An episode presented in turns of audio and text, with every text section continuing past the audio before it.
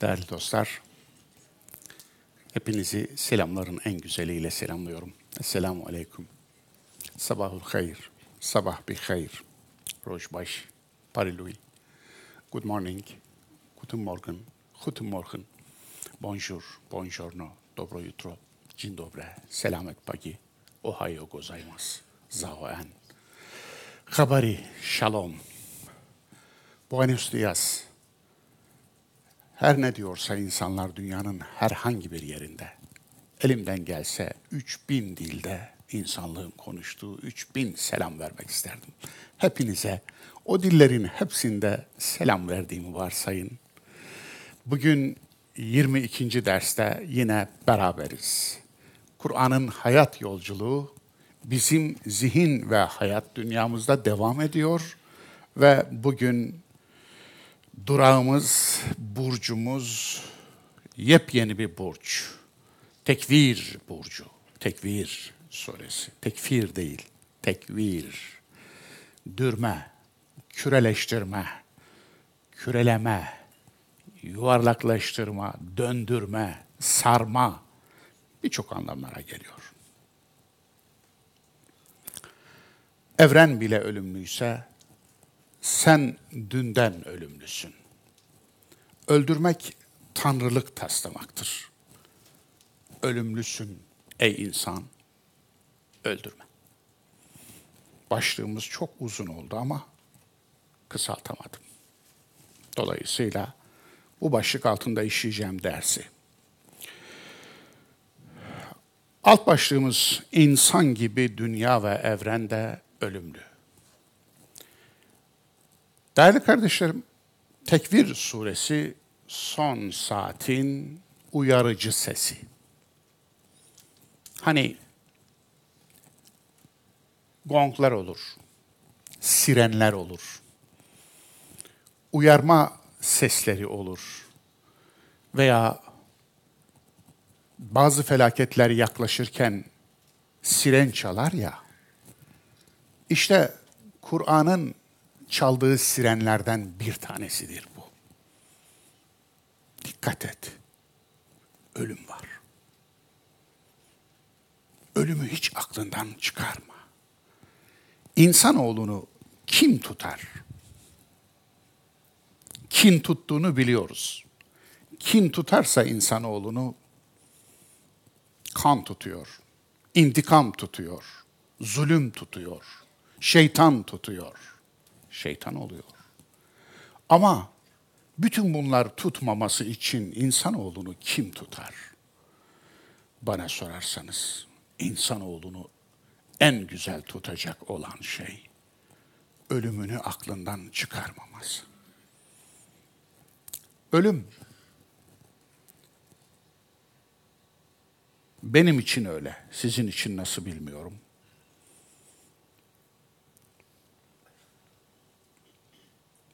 En gerçek kelime. En gerçek kavram. En yalın kavram.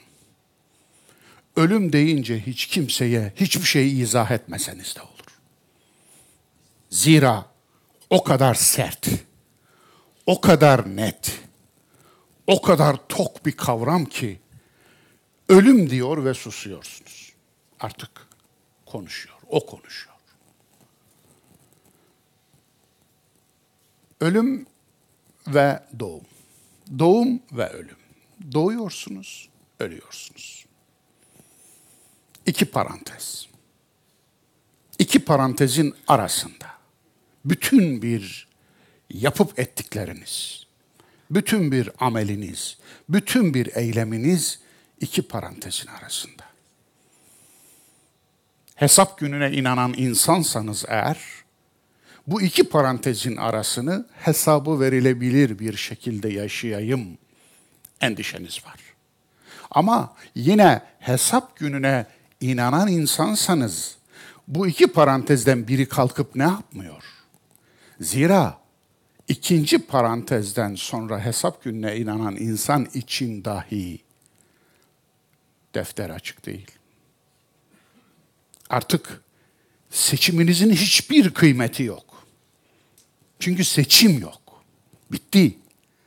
Seçim bu iki parantezin arasında. Seçtikleriniz sizsiniz. Seçtikleriniz kaderiniz. Kaderinizi seçiyorsunuz. Seçtikleriniz akıbetiniz. Seçtikleriniz ahiretiniz. Ahiretinizi seçiyorsunuz. Akıbetimizi seçiyoruz. Kaderimizi seçiyoruz. İki parantez. Doğum ve ölüm. Bu parantezi aşmak mümkün mü? Gerçekten fişek gibi, kurşun gibi, zıpkın gibi bir kelime geliyor ve hayatınızın ortasına oturuyor. Hayattayken dahi siz ölümünüzü yanınızda taşıyorsunuz. Aslında doğduğunuzda ölüyorsunuz.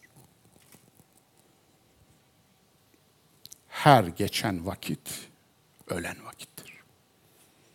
Her yaşadığınız an ölen andır. Her aldığınız nefes ölmüş bir nefestir. Bitti. Geriye getirmek mümkün değil. Bir anı geriye çalıştırmak mümkün değil. O filmlerde oluyor. Ama gerçek hayatta yok. O gitti. Onun için onu getirmek için uğraştığınız o anlar da gitti. Dolayısıyla bir sonraki ana bak. O anın size tek kalıcı şeyi var. O da nedir? İbret, örnek veya ibret. Ya numuneyi imtisal olur ya ibreti alem olur. Başka üçüncü bir şey yok. Dolayısıyla bu ölümün parantezinden, doğum ve ölüm parantezinden çıkmanın yolu ne? Bana sorarsanız benim inandığım o. Bu iki parantezden çıkmanın yolu hesap gününe inanmak. Yani ahirete inanmak. Ama bu iki parantezden çıkmanın Kur'an ilke ayetinde, bir ilke ayetinde Kehf suresi 46. ayet harika bir tanımını yapmış. Baki Allah'ın ismidir. Ama bakınız, ne geriye kalacak diye sorduğunuzda, geriye ne kalacak? Vel bakiyatus salihat. Geriye kalacak olan iyiliklerdir. İyi işlerdir. Geriye kalacak olan bu. Dolayısıyla ne geriye kalacak dediğinizde cevabınızı eğer inanıyorsanız Kitab-ı Kerim'den alıyorsunuz. Geriye kalacak olan bu. Tekvir suresi böyle bir kainatın ölümlülüğünden giriş yaparak aslında bize ölümü mü anlatıyor? Ters köşe olacağız ama hayır. Çok ilginç. Konu motif, dip akıntısı, ana fikir bu değil. Hemen arkasından gelen, diri diri gömülen o çocuğa sorulduğunda hangi suçundan dolayı öldürüldü? Böyle bir konuya neden yıldızların dürülmesinden, göklerin parçalanmasından, denizlerin yok olmasından, ayın güneşin sönmesinden bahsederek girer Kur'an. Neden kozmik kıyametten bahsederek girer Kur'an? Neden? İnsanın insanı öldürmesi. Daha özelde bir insanın kendi çocuğunu öldürmesi. Yani öldürme eylemi. Öldürme eylemi ölmekten bambaşka bir şey. Bambaşka. Ölmek doğmuş olan her şeyin kaderi. Ama öldürme ise Allah'ın verdiği hayat nimetine karşı işlenmiş bir cinayet. Sadece öldürdüğünüz kişiye karşı işlenmiş bir cinayet değil. Allah'a karşı, el hay olan Allah'a karşı işlenmiş bir cinayet. Ölümün, öldürmenin ne kadar ağır olduğunu ifade etmek için Kur'an kainatın ölümünden söz ederek giriyor. Ve burada sorarım size, konu ölüm müdür? Değildir. Konu hayattır. Hayatın değeridir. Hayatın kutsallığıdır. Hayatın dokunulmazlığıdır. Konu odur. Hayatın dokunulmazlığını o kadar o kadar hücrelerinize işlemek istiyor ki Kur'an. Yani sen bir cana dokundunsa göklere dokundun, yere dokundun, kainata dokundun. Sen insanı öldürmedin, evreni öldürdün. Konu bu.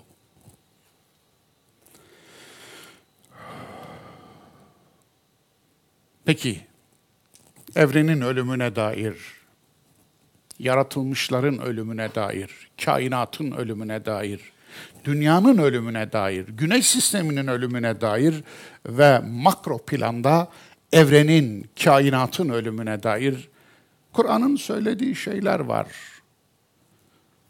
Neler onlar ve nasıl giriyor öyle bir bakalım. Her yaratılan ölümlüdür. Bu bir kanun. Bu bir kader, ölçü yani. Varlığın ölçüsü. Dolayısıyla bir şey yaratılmışsa o mutlaka ölecektir. Başı olanın sonu olur. Başı olan her şeyin sonu olur. Başı olup da sonu olmayan bir şey yok. Onun için insan da dahil, ahiret de dahil, hepsi ama hepsi bir başı varsa bir sonu da var. Doğan her şey bir gün gelir, ölür. Dinde bunun önce bir yerine bakalım, ondan sonra akıldan, mantıkta yerine, ondan sonra bilimde yerine bakacağız. Rahman suresi 26-27. ayetler. Herkes fani, sadece Rabbinin zatı bakidir. Kullu men aleyha fan ve yebqa vechu rabbike zul celali vel ikram. Herkes fanidir, baki olan Rabbinin zatıdır. Buradaki veç yüz anlamına gelir ama mecazen Allah'ın zatını temsil eder. Neden zatına yani bir varlığına yüz ismi veriliyor? Neden yüz varlığından kinaye olarak kullanılıyor, edebi olarak? Demek ki yüzümüz varlığımızın işareti, göstergesi, logosu. Her insanın yüzü kendi logosudur. Onun için yüzümüz kimliğimizi ele verir. Onun içinde yüz saklanmamalı, yüz gizlenmemeli, yüz örtülmemeli. Yüz, yüz logomuzdur. Varlığımızı haber verir. Karşımızdakiyle o kimliğimizle iletişim kurarız. O nedenle burada her şey fani, herkes fani, baki kalacak olan Allah'ın zatıdır. Kullu men aleyha fan. Burada dikkat buyurun. Fani ve baki kelime zıt kavramlarıyla işleniyor mesele. Baki Allah'ın ismidir demiştim Esmaül Husna'dan. Onun karşıtı fani. Fani ne demek? Hani bizde şu çok yaygın bir kullanım ama yanlış bir kullanım. Yalan dünya. Hayır. Asla. Dünya yalan değildir. Dünyaya yalan diyen yalandıdır. Yalancı adam. Yalancı vaiz. Yalan dünya diyen yalancı vaiz. Aç bir yüreğini de bak dünyayı içine nasıl basmış tulum peyniri gibi. Dolayısıyla yalan dünya falan değil. Eğer Tarla yalansa hasat da yalandır değil mi? Ahiret hasat, dünya tarla. Peki sen tarlaya yalan diyorsun. Ne demek istiyorsun? Tarla yalansa hasat nasıl gerçek olacak? Hesap nasıl gerçek olacak? Eğer eylemin kendisi yalansa ödülü nasıl gerçek olacak? Aslında sen farkında değilsin ama nihilizmin, hiççiliğin propagandasını yapıyorsun. Dolayısıyla yalan değil, fani dünya. Yalanla fani arasında çok büyük fark var. Dünya yalan değildir, dünya fanidir. Yalan olur mu? Yalan olsaydı eğer, o zaman o adamın yüzüne şöyle Allah aşkına bir tokat aşk edeceksiniz. Yalan dünyanın, yalan adamının yalan tokatı diyeceksiniz. Hiç kızma falan. Hiç kızma. Dolayısıyla yani bunda bir şey yok. Bu da yalan. Dünya yalan çünkü. Senin dünyan. Değil tabii. Onun için Kur'an fani ve baki zıtlarını karşılıklı yerleştirir. Onun zatı hariç her şey helak olucudur. Kullu şeyin halikun illa vece. Halikun illa vece. Her şey helak olucudur. Sadece onun zatı hariç. Kasas suresi 88. Ha, şimdi bakınız. Kullu men biraz Arapça bilenler bilirler. Men daha çok bilinçli canlılar için kullanılır.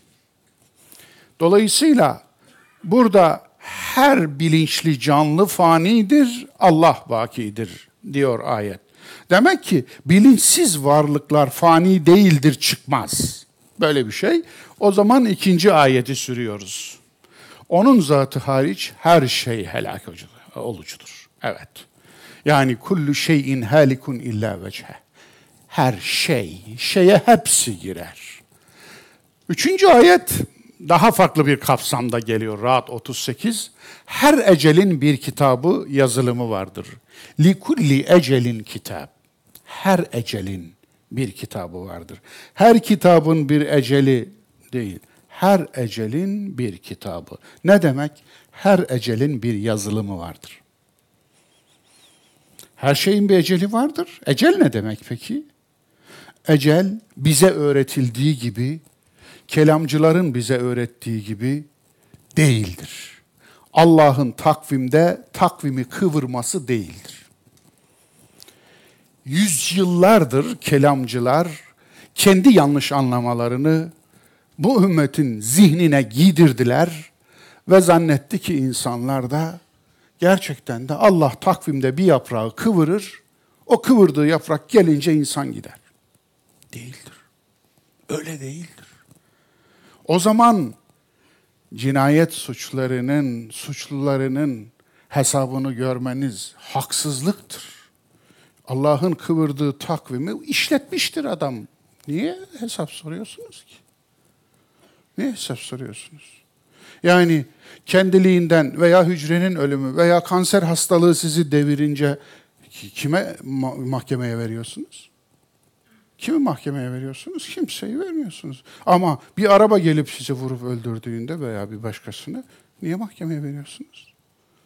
Yani kıvrılan takvim bitmiştir. Takvimi kıvırmış ve bitmiştir. Değil. Asıl soru şu. 20 yıl evvel bu ülkede ortalama yaş 60. Şu anda bu ülkede ortalama yaş 78'e doğru gidiyor. Ne yaptı? Allah kıvırdığı tüm takvimleri açtı mı? He? Çocuklarınıza, torunlarınıza nasıl izah edeceksiniz bu eceli? Hepsinden vaz mı geçti? Hayır. Tabii bunda yani çocuk ölümlerinin azalması, çocuk efendim e, feşlerinin azalması, e, yeni doğumların ölümlerinin azal, azalması, aşıların yaygınlaşması. Ha şimdi bir de aşı karşıtlığı fitnesi çıktı. Böyle bir cehalet, cehalet toplumunda böyle bir şey olabiliyor, oluyor. Efendim birçok şey olduğu gibi. Dolayısıyla yani ben Resulüm diyen insanın cenazesini kılacak 3000 kişi bulan bir toplumda aşı karşıtlığına da taraftar bulursunuz, düz dünyada ya da taraftar bulursunuz. Anlatabiliyor muyum? Şöyle bir toplumda Bukhari göğe yer, yere gök dese benim için o günden sonra gök yerdir, yer göktür diyen vaizlerin olduğu bir toplumda bu çıkar, o çıkar, o da çıkar. Bunların hepsi birbirinin devamıdır. Evet. Nedir ya ecel? Ecel Allah'ın insan ölümüne yasa koymasıdır, koyduğu yasadır. Likulli ecelin kitabı odur işte. Her ecelin bir yazılımı vardır, bir yasası. Nedir? İnsan eceline, eceline neyi koymuştur? Bundan 1200 yıl evvel Bakillani söylemiş bunu harika biçimde. Yani eceli tarif etmiş. Ecel üç sistemin iflasıdır demiş. Dolaşım sistemi, kan dolaşımı sistemi, solunum sistemi, sinir sistemi. Ancak bu kadar güzel yapılabilir tarifi. Yani bu üç sistem insanda geri dönmez biçimde iflas edince ona öldü denir. İşte ölümün tarifi size. Yani kel hey hey diye başlıyor değil mi? Kelle koltuğunda üç gün savaştı. Efendim, sahi savaştı mı? Olur mu? Aslında bu sünnetullah'a iman eden bir insanın söylemeyeceği bir şey söyleyeyim. Ama siz hadis kitaplarında omuza konan tozları silkme babını bulursunuz. Tuvalette temizlenme babını hem de sayfalar dolusu bulursunuz. Ata nasıl binilir, nasıl inilir, deveye nasıl binilir, nasıl inilir babını bulursunuz. Ama bunların hiçbirinde, bir tanesinde sünnetullah başlığı bulamazsınız. İlginç gelmiyor mu size? Allah'ın yasaları, Allah'ın kanunları. Evet, yoktur, bulamazsınız. Her nefis ölümü tadıcıdır. Üç ayrı yerde gelir. Evet. Kullu nefsin dâikatul mevt. Her can ölümü tadıcıdır. Tatmaktadır diye çevirmedim bakınız. Tadıyor diye çevirmedim. Tadacaktır diye çevirmedim. Çünkü zâika ismi fail formudur. Özne formudur yani. Tadıcı Buradan yola çıkarak şunu da söyleyebilirim. Buna açık ayet. Her can her an ölümü tatmaktadır. Hakikaten her an ölümü tatmaktayız farkında mısınız? Aslında yaşadığımız her an ölümdür. Çünkü o an ölüyor. Doğduğunuz anda aslında ölüme yürüyüşünüz başlıyor. Ey insan, kalbinin sesini dinle ölümün ayak sesidir. Her an ölüyor. Her aldığınız nefes ölüyor. Alıyorsunuz ve veriyorsunuz. Bir nefes daha öldü. Öldü yani. Dolayısıyla ama kaydoldu aynı zamanda. Kaybolmadı. Kaydoldu. O nefeste kaydoldu. Ya bakiyatu salihat olacak. Yani iyi işler arasına karışacak. Kalıcı olacak. Ya da hebaen menthura olacak. Yine Kur'an'ın ifadesiyle. Heba olacak. Dolayısıyla bu anlamda nefesiniz de öldü. Aynı zamanda şu anda bana bakan yüzlerinizin hiçbiri altı ay önceki yüz değil. Evet.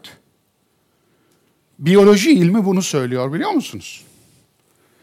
Biyoloji ilmi yüzünüzdeki tüm hücrelerin 6 ayda değiştiğini söylüyor. Buyurun. O zaman şu anda bizim vücudumuzda binlerce, on binlerce, yüz binlerce hücre ölüyor ve yüz binlerce yenisi doğuyor. Yani vücudumuzda bir doğum ölüm döngüsü devam ediyor. Bu döngü devam ediyor. Yani biz bir taraftan ölürken bir taraftan diriliyoruz vücudumuzda hücre düzeyinde ölüm ve doğum döngüsü daima devam ediyor. Kainatta da öyle değil mi? Ölüm ve doğum döngüsü. Devam ediyor. Yani dünyada demedim bakınız. Dünya şu anda üzerinde hayat olduğunu bildiğimiz tek gezegen. Ama hayat olan tek gezegen diyemiyorum. Niye diyemiyorum? Zira bizim galaksimizde yüz milyarlarca yıldız var. Yüz milyarlarca yıldızın belki kentrilyonlarca gezegeni var. Bu gezegenler içinde yaşama elverişli gezegen kaç tanedir?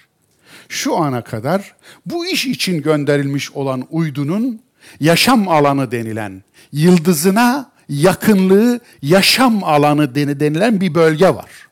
Yaşam alanı denilen bölgede tespit edilen gezegen sayısı 40 bin bizim galaksimizde.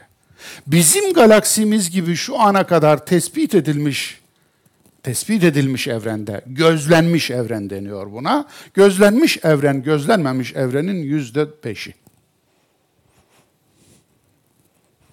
Gözlenmiş evrende bizim galaksimiz gibi, yüz milyarlarca yıldız olan galaksi gibi yüz milyarlarca galaksi var. Peki nasıl diyebilir insan ki biz tekiz, biriciyiz, eşrefi mahlukat? Allah'tan kork. Kim uydurdu bu yalanı? Biliyoruz kim uydurduğunu. Hakim Tirmizi denilen bir hulülcü.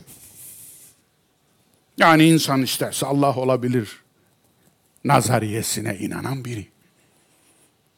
Dolayısıyla eşrefi mahlukat falan değiliz. Kibir bu. Bu bizim kibrimiz. Hani daha önce işlemiştim o ayeti. Göklerin ve yerin yaratılışı sizin için insanın yaratılışından, Allah için insanın yaratılışından daha büyük bir şeydir. Ekber kelimesi kullanılır orada. Ne muhteşem değil mi? Dolayısıyla bu anlamda kainatta biz biricik falan değiliz. Bu kainat zaten fazla israf olurdu öyle olsaydı.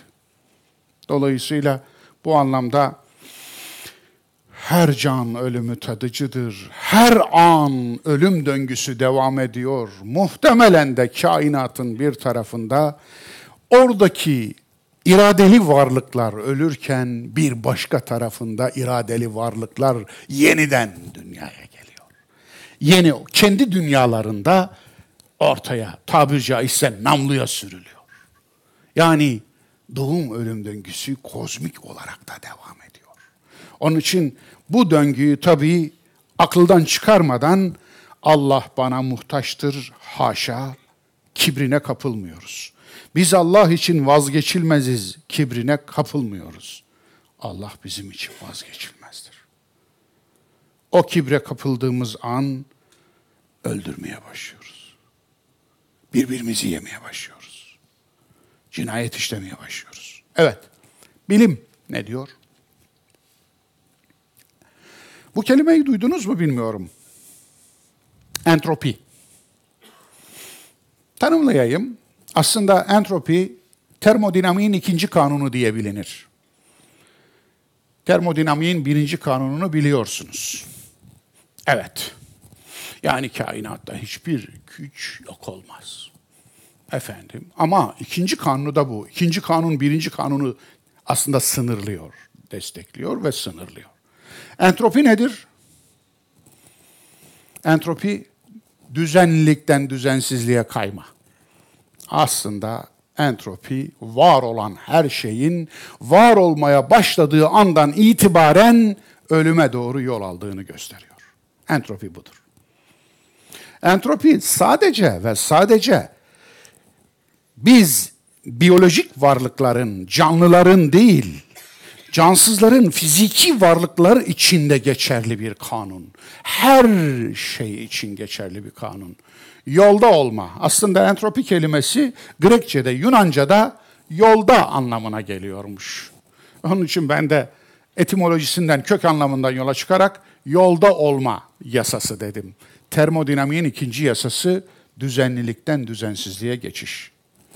Bu John Ahmet'in devri daim makinesi diye bir şey var. Bilmem hiç ilgilenen oldu mu? Tabii öyle bir makine hiç yapılmadı. Nedir John Ahmet'in devri daim makinası? Şudur efendim. Kendi ürettiği enerjiyle makinayı çalıştırıyorsunuz. Efendim ve kendi kendine yetiyor. Kendi kendine yeten makine.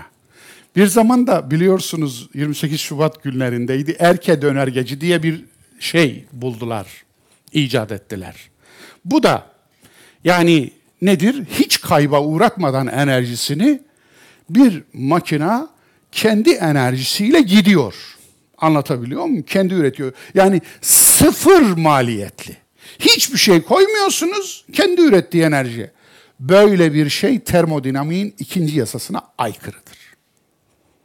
Aykırıdır. Neden? Çünkü mutlaka kayba uğrar.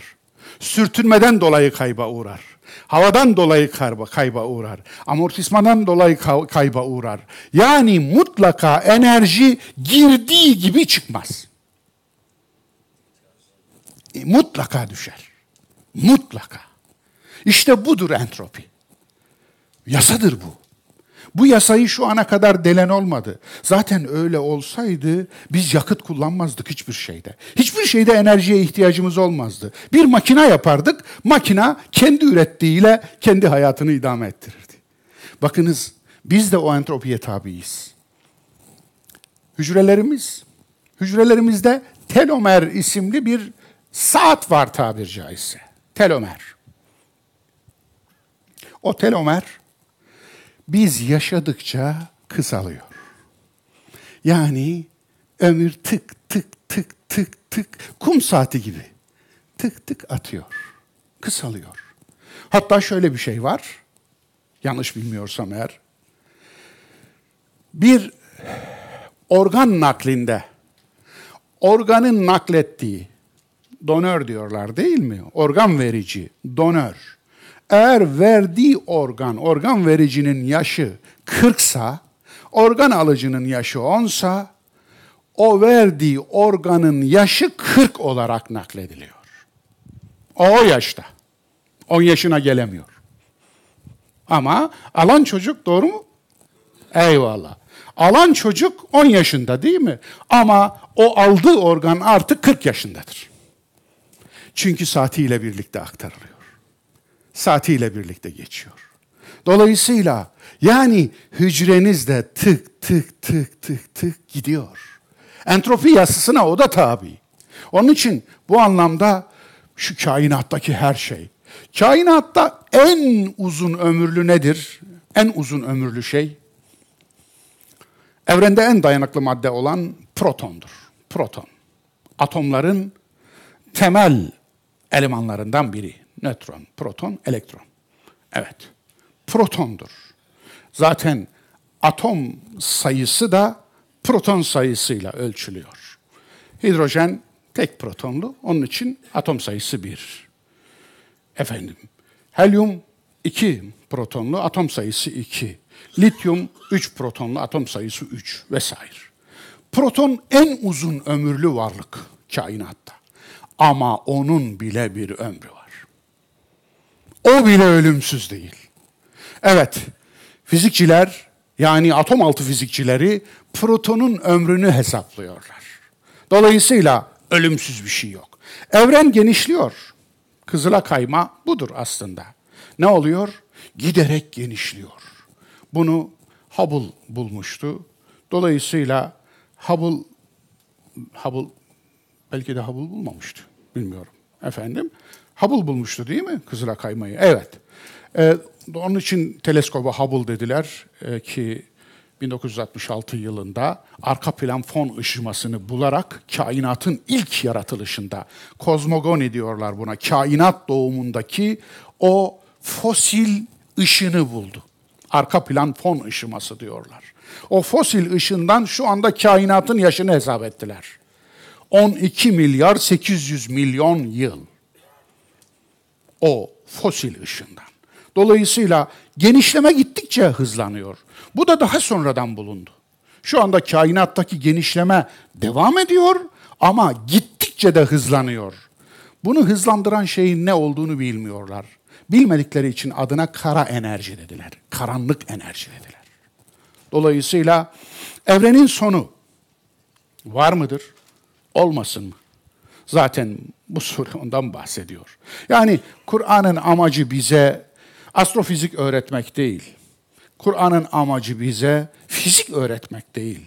Kur'an'ın amacı bize astronomi öğretmek falan değil. Kur'an'ın amacı bize ahlaki öğütler vermek. Bunu hiç unutmayacağız. Benim yaptığım da bir tefsir falan değil. Ben daha doğrusu tefsir kelimesini kullanmayı da sevmiyorum. Zira kelimenin bir ağırlığı ve otoritesi var.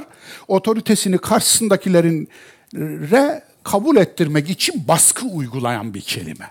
Ben bunu da sevmiyorum, kabul etmiyorum. Nedir efendim yaptığım şey? Aslında bu bir çağrışım. Tefsir değil, tedai. Eskiler çağrışıma tedai derlerdi. Şimdi çağrışım diyorlar. Dolayısıyla tedai, çağrışımları var. Ben bu çağrışımlar üzerinden bakışımlılık kuruyorum, alaka kuruyorum, irtibat kuruyorum. Yani Kur'an bir şeyden söz ediyor, bu söz ettiği şey de bilim şunu söylüyor. Akıl şunu söylüyor, biyoloji şunu söylüyor, astronomi şunu söylüyor, jeoloji şunu söylüyor diyorum. Dolayısıyla burada yaptığım iş o. Ama bu söylediklerimin hepsinden de yine sonuç olarak ahlaki öğütler almak, dersler almak, ibretler almak. Evet. Evren genişliyor gittikçe hızlanıyor ve evrenin bir sonucu var, sonu var. Bu son nasıl olacak? Üç tane tahmin yürütüyorlar astrofizikçiler. Bir, çökme. iki donma. Üç, kopma. Ama yeni son olarak Harvard'da bir e, bilim adamları topluluğu dördüncü bir ihtimali daha ele aldılar. Ona geleceğim. Çökme. Evren nasıl bir hiçlikten, vakum boşluktan. Vakum boşluk aslında eskiden kullandığınız lambalar vardı. O lambalar vakumlu lambalardır. O lambaların içindeki e, oksijen alınmıştır. Alınabileceği kadar alınmıştır. Alınamadığı, tamamı alınamadığı için ısınır. Dolayısıyla tamamı alınsaydı ısı kaybıyla ışık enerji zayi olmazdı. Ama işte o vakum, vakum boşlukta, hiçlikte bir patlama ile meydana gelmiştir. Bu patlamada düşünün, düşünün, adeta bu patlamanın tüm enerjisi kainattaki şu andaki tüm enerjiye eşittir. Aynı enerjidir. Kainatın tüm enerjisini sıkıştırıyorsunuz, sıkıştırıyorsunuz, sıkıştırıyorsunuz. Gözle görülmeyen bir düzeye geliyor. Ve onu bir patlatıyorsunuz, içinden kainat çıkıyor. Buna bir enerji eklenmiyor. Enerji orada. Birin arkasına 43 tane sıfır dizeceksiniz. Sıcaklık o. Bunun matematikte adı da yok. Anlatabiliyor muyum? Yani milyon diyemiyoruz, trilyon diyemiyoruz, katrilyon diyemiyoruz, kentrilyon diyemiyoruz. Diyemiyoruz yani bir şey. Dolayısıyla yani böylesine bir şey. Evet.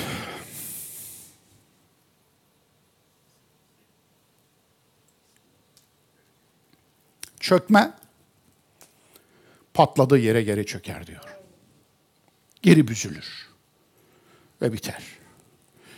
Donma genişleyecek, genişleyecek, genişleyecek. Enerjisi bittiği anda donacak. Donma iptal. Şu anda donma şıkkı yok. Niye? Giderek hızlanıyor çünkü. Dolayısıyla enerjisi bitti diyemiyoruz. Bilmediğimiz bir yerde bir enerji var, onu kullanıyor. Kopma, evet, dağılma, kopma. Öyle bir noktaya gelecek ki kainattaki genişleme, hiçbir şey organizma halinde kalamayacak. Önce büyük şeyler parçalanacak, parçalanacak. Ondan sonra her şey atomuna inecek. Atomuna da kalmayacak. Atom da parçalanacak. Yani elektronlar bir tarafa gidecek, efendim protonlar gidecek, nötronlar gidecek. Onlar da bir araya da kalmayacaklar. Kuarklara, efendim iki aşağı veya iki yukarı bir aşağı kuark. Onlara gidecek. Onda da kalmayacak. O dağılma o kadar ileri gidecek ki onun da altına spinlere inecek. Onda da kalmayacak o doğal dağılma bozonlara, alanlara, kuvvet alanlarına inecek. Onda da kalmayacak. Kuvvet alanı da kalmayacak. Dağılacak ve yok olacak. Böyle bir yok oluş simülasyonu. Yok olma. Evet. Harvard'dan son açıklama. Evren Higgs bozonu yüzünden aniden yok olabilir. Hesaplarımıza göre evren 10 üzeri 58 ila 10 üzeri 139 yıl arasında bir zaman sonra yok olacak. Ya Harvard'lı bilim adamları, ya ben ayıpladım yani şahsen. Çok, çok ayıp yani. Şu şeye bakma, bakar mısınız? Bizim atmasyoncular bile yani cübbellere versen bu kadar atmaz ya. Efendim yani şuna bak. 10 üzeri 58 ile 10 üzeri 139 arasında yani nasıl bir şey? 10 üzeri 58 şu demek. Yani birin arkasına 58 tane sıfır koyacaksınız. 10 üzeri 139 da birin arkasına 139 sıfır koyacaksınız. İyi de adam yani bu kadar aralık olmaz ki. Onun için Harvard'lı bilim adamlarına teessüflerimizi bir gönderelim. Yani biraz daha çalışın diyelim bunun üzerine. Evet, bir sanatçının Higgs bozonu simülasyonu. Çok güzel duruyor, çok şık duruyor. Tabii e, şeyde şık duruyor. Yani Higgs bozonu işte tanrı parçacığı denilen bu. Yani yokluktan, hiçlikten varlığa çıkıştaki ilk çıkış bu. İlk maddelerleşme anı.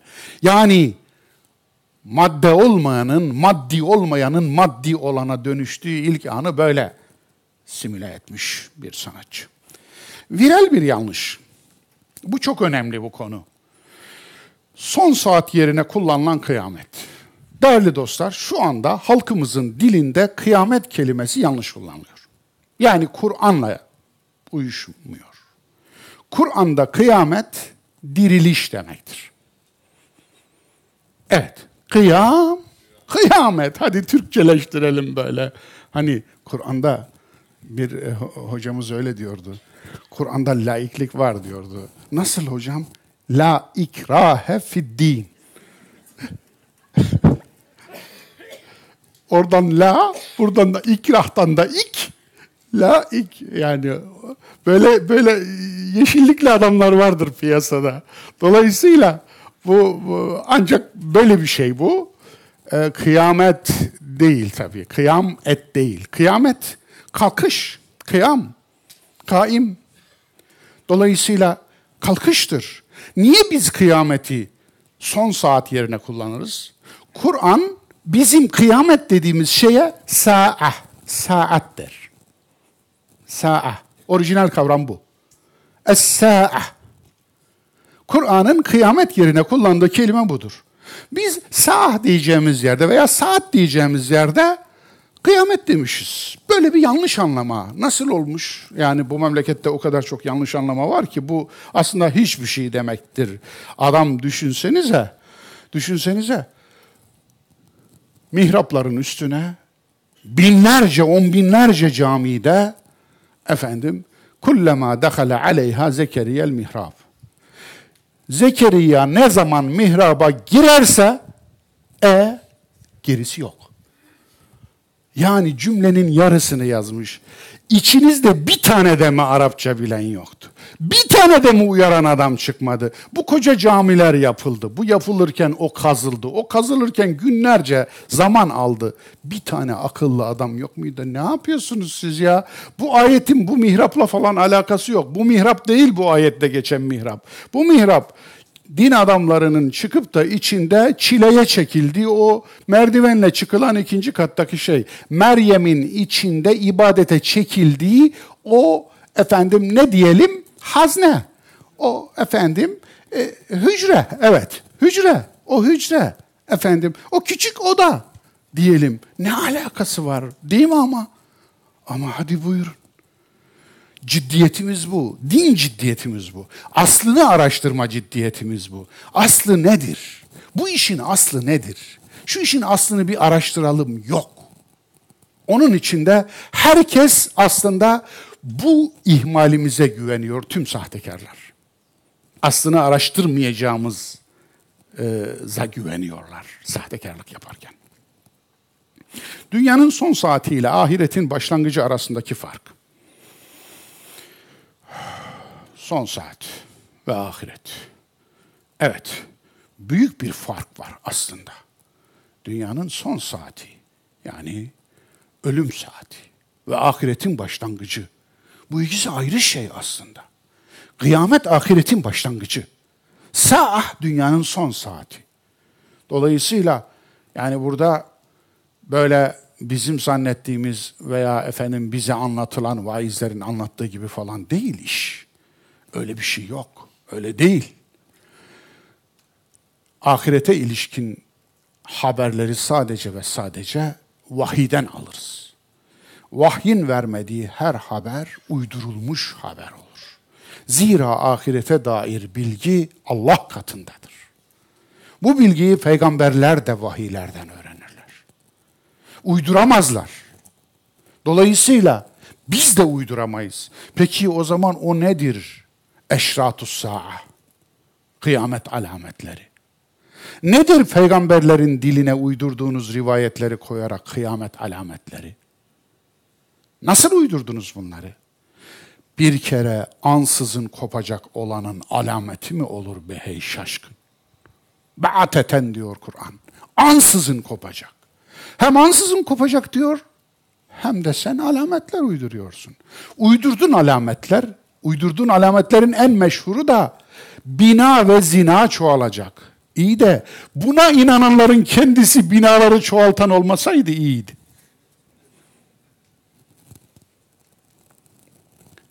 Hem uydurulan bu rivayetleri dibine kadar savunacaksınız hem de şehirleri betona çevireceksiniz. Nasıl oluyor bu? Bari düzgün olun ya, inancınızda dürüst olun ya. İnancınızda dürüst olun. Değil mi? Tekvir 1.14.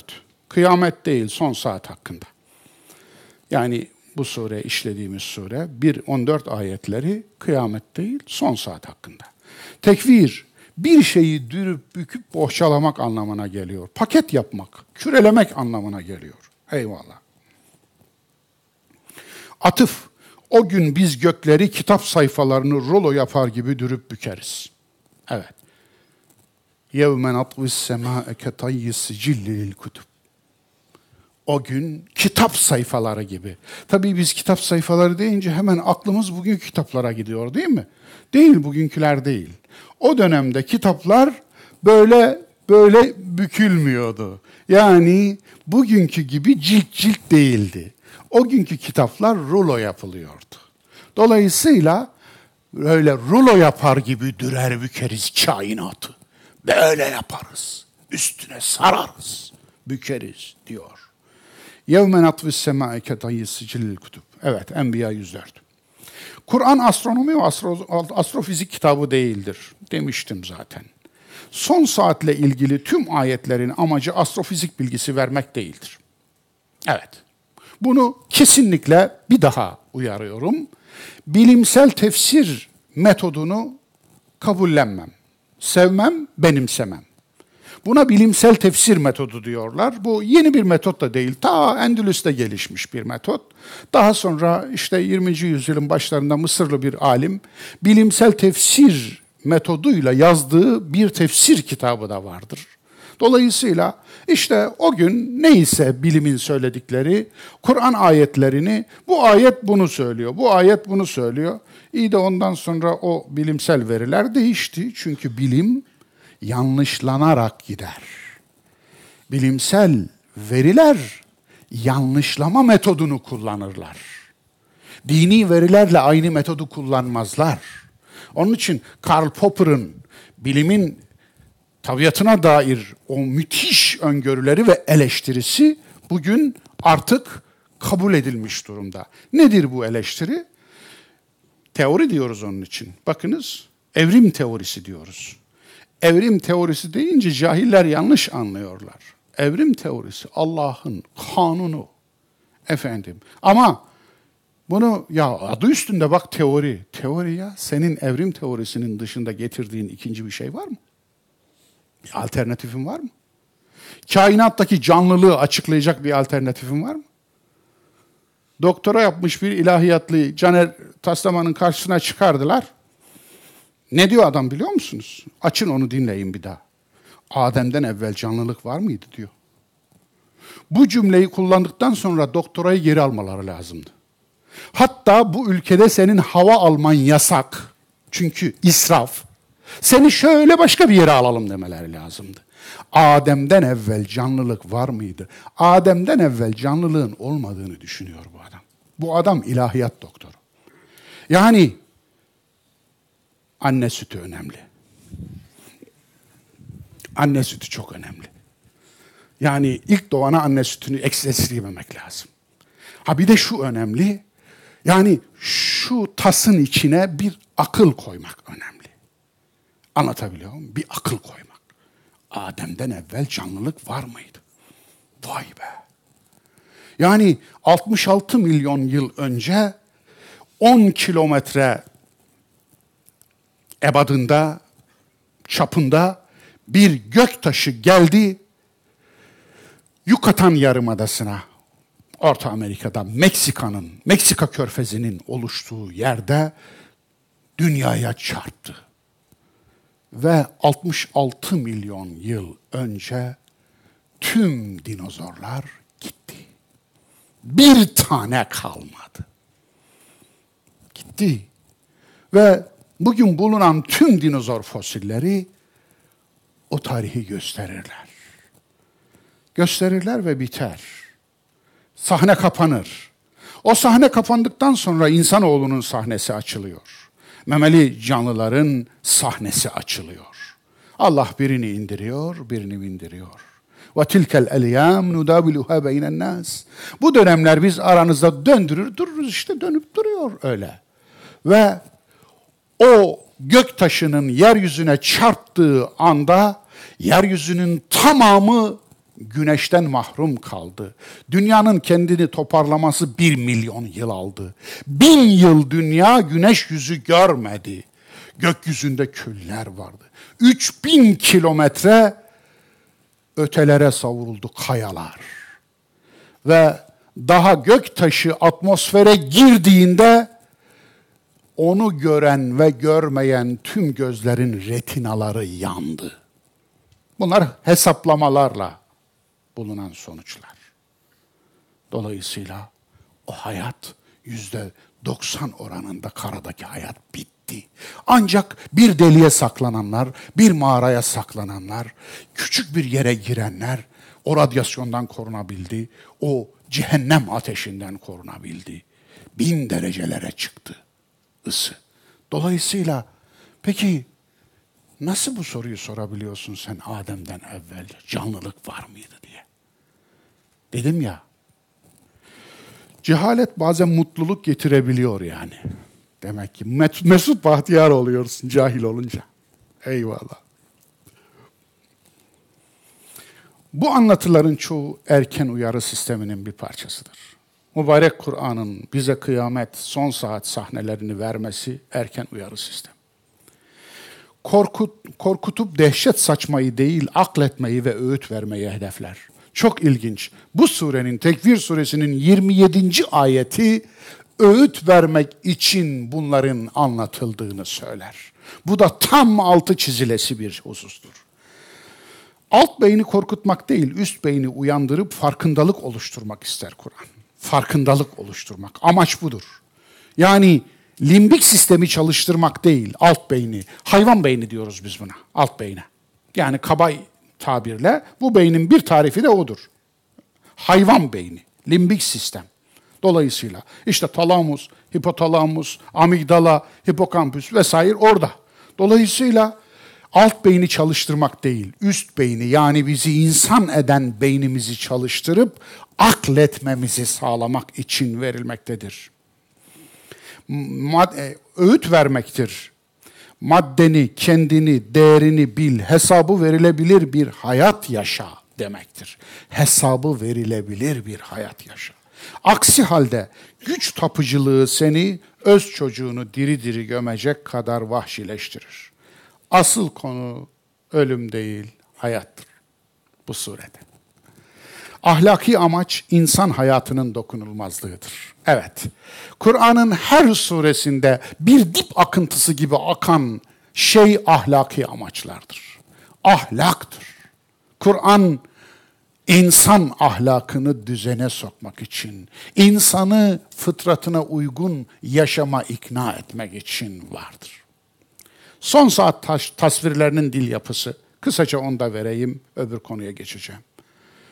Kuvirat. İze şemsu kuvirat. Sure bu ayetle başlıyor, Tekvir suresi. Güneş dürüldüğü zaman, kuvirat. Dikkat buyurun. Dürüldü dürüldü. Buna meçhul fiil denir. Fiili mazi meçhul fiil. Ne demek meçhul fiil? Faili meçhul. Faili meçhul mü? Yok. Faili yok mu? Faili hakiki Allah'tır kainatta. Peki Kur'an bir fiili, eylemi dile getirirken o eylemin failini, öznesini niye vermez? Bu bir üsluptur. Ve bu üslubun bir amacı vardır. Bakınız ikinci ayet de öyle. İze şemsu kuvirat ve ize nucumun kederat, in kederat. Yine aynı. Faili yok. Yine aynı o da. Yine üçüncü ayette öyle. Suyirat. Yürütüldü. Evet. Yani dağlar yürütüldü. Ve izel cibalu suyirat. Dağlar yürütüldü. Dağları o yürüttü diyebilirdi. O Allah.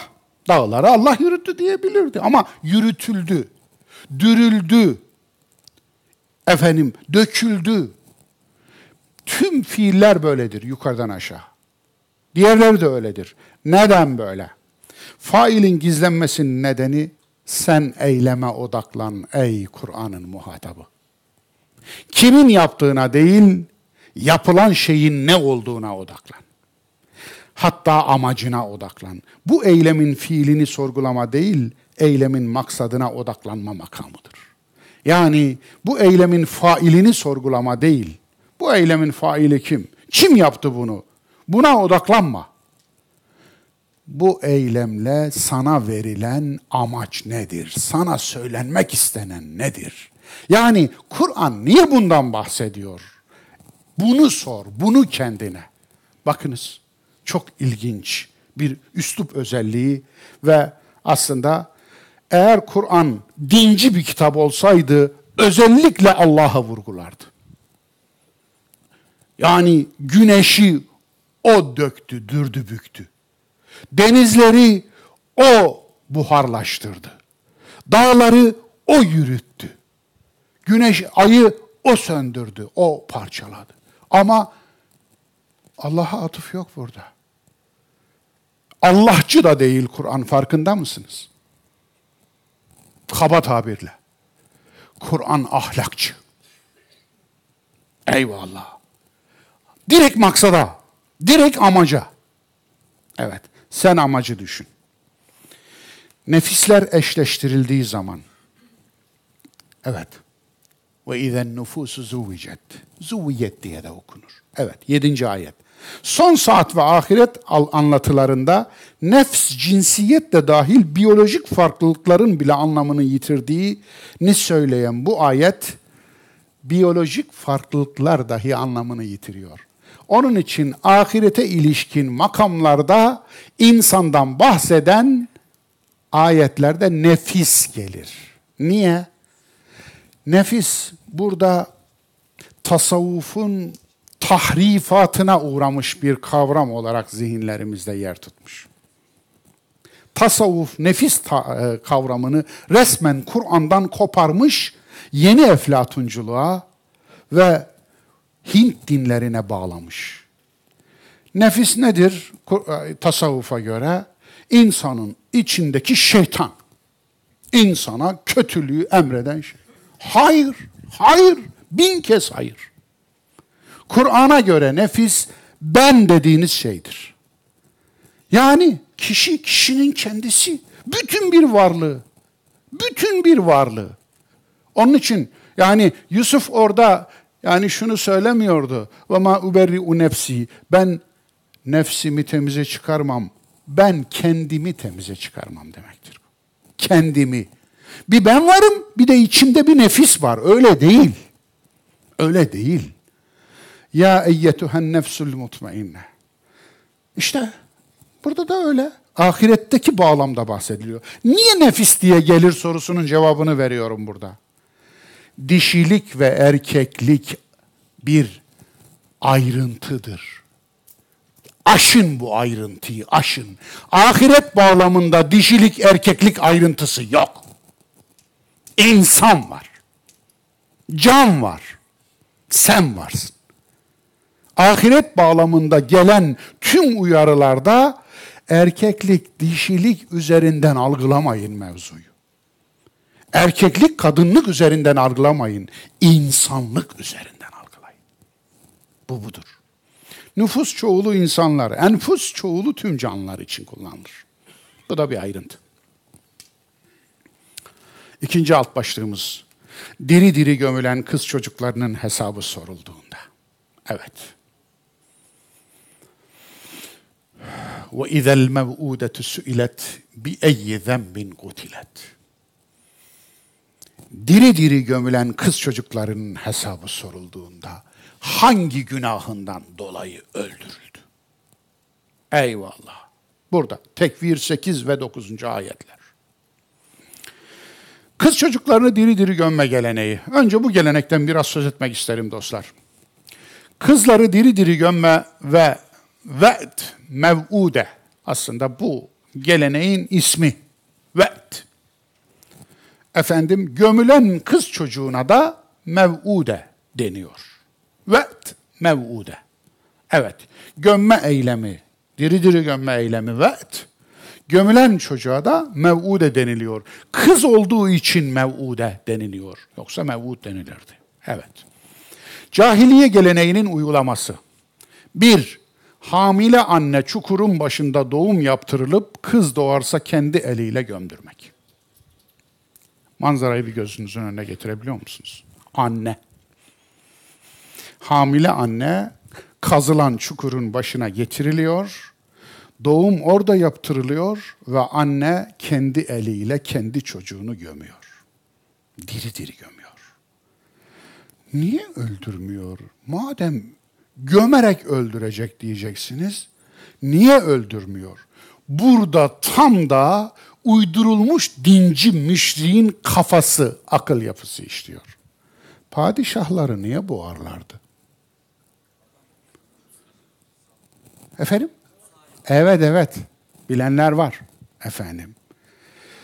Düşünün 18 şehzadesini birden bir gecede boğduran padişah var.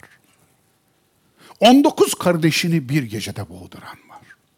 6 aylık. Sadece boğdurmakla kalmayıp hamile cariyelerini ve eşlerini de öldüren var. Neden? Aynı mantık. Kan akmasın. Kan akmasın, katil olmayalım ya. Niye? E, kan dökmedik ki. Kan dök, boğduk. Kan dökmedik. Dolayısıyla mantık benzer, çok benzer bir mantık. Yani evladının kanını dökmeyince cani olmuş olmuyor. Katil olmuş olmuyor. Boğazını sıkıp öldürür. Veya efendim üstüne kum atarak içeride bağıra bağıra o yavrucak efendim nefessiz kalacak ve ölecek. Aslında ben öldürmedim. Ben sadece üzerine kum attım. O kumun altında nefessiz kaldı, öldü. Hani tam da Yezid'in şeyi değil mi bu? Zeynep'e öyle diyordu. Hüseyin'in başı gelmişti Şam'a. Elindeki kamçıyla oynuyor gözüyle, kulağıyla, dudaklarıyla. Onu Allah öldürdü diyordu. Efendim. Tamam aynı şey işte. Görüyorsunuz mantık değişmiyor. Yüz yıllar değişiyor mantık değişmiyor. Anne, hamile anne çukurun başında kendi eliyle yavrusunu gömüyor. İki, çocuk altı yaşına gelince öz babası tarafından diri diri gömmek. Evet, en yaygın kullanım birincisi bir sonraki yaygın, yaygın öldürme, çocuk öldürme ikinci şekilde yapılıyor. Öldürme vakti gelince önceden belirlenmiş kumruk arazide çukur hazırlanır. Yaklaşık 6 yaşında yapılıyor. Genelde gelenek bu. Efendim eğer anne öldürmezse, anne öldürürse doğar doğmaz öldürüyor. Baba öldürürse doğar doğmaz değil 6 yaşına gelince öldürüyor. Efendim önceden belirlenmiş kumluk arazide çukurlar hazırlanır. Şehirlerde, Arabistan şehirlerinde, kadim şehirlerinde biz çocukların diri diri gömüldüğü yerleri biliyoruz. E, bazı şehirlerde biliyoruz en azından. Mesela Mekke'de nereye gömdüklerini biliyoruz. Binbaz Mescidi var. Mekke'nin ortasında bir vadi var. Düz efendim böyle bir vadi. Vadinin kenarında Binbaz Mescidi, görkemli bir mescittir. Bilen, bilenler bilirler. O mescidin önünden şu anda otoban geçiyor, yol geçiyor. Çok alımlı çalımlı bir yol. O yolun bulunduğu yer Mekke'de diri diri gömme yeriydi. Zira kayalık olduğu için bölge kumluk bir yer lazımdı. Kolay kazılacak bir yer, o da vadilerdi. Dolayısıyla su, alüvyon gibi kumları da indiriyor aşağı ve orada bir kumluk bölge oluşturuyor. İşte o vadi kızların diri diri gömülüp öldürüldüğü yerdir Mekke'de. Baba evet öldü evet. Baba anneye onu en güzel elbiselerini giydirmesini ve süslemesini emreder. Bir de süslüyorlar. Kızına dayı vesaire akrabaya gitme vaadiyle çukurun başına götürülür. Evet. Yani 6 yaşındaki çocuk aklı eren bir çocuk. Evet. Efendim dayıya gidiyoruz. Genelde şey buydu, bahane buydu. Hadi dayıya gidiyoruz. Efendim ve e, en güzel elbisesi giydirilir. Kız e, efendim çukurun başına gelen çocuk arkadan itilip kayboluncaya kadar üzerine kum atılır. Uygulama buydu. Bunu herkes mi yapıyordu? Elbette ki değil. Ama öyle çok denildiği gibi nadir de değil. Nadir de olsa farklı uygulamalar da vardı.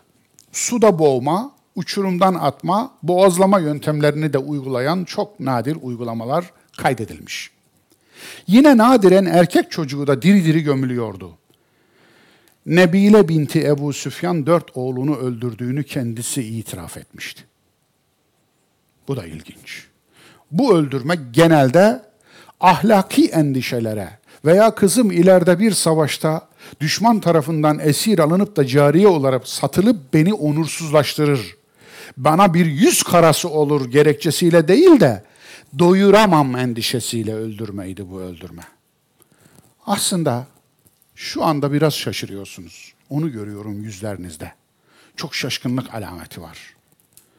Aslında şöyle arka plana doğru insanoğlunun zaaflarını da dile getirerek baktığımızda düşünün evlilikte sınır yok. Cariyede hiç sınır yok. Ve efendim sürekli üreyen bir toplum. Anlatabiliyor muyum? Bu konuda tedbiri de yok. Çünkü bedevi bir toplum ve bu anlamda planlama diye bir şey yok. Çünkü inanmıyor. Her şeye kader olarak inanıyor. Yani her yaptığı cinayete de kader olarak inan, inanan bir toplum. Şirkine de kader diyor. Öyle değil mi?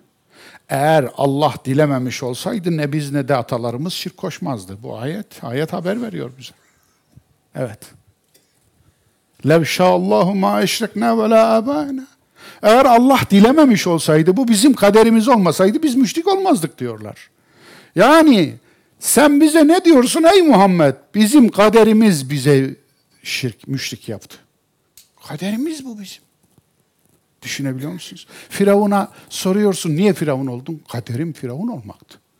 Nemrut'a soruyorsun niye Nemrut oldun? Kaderim Nemrut olmak. Şeytana soruyorsun niye şeytan oldun? Kaderim.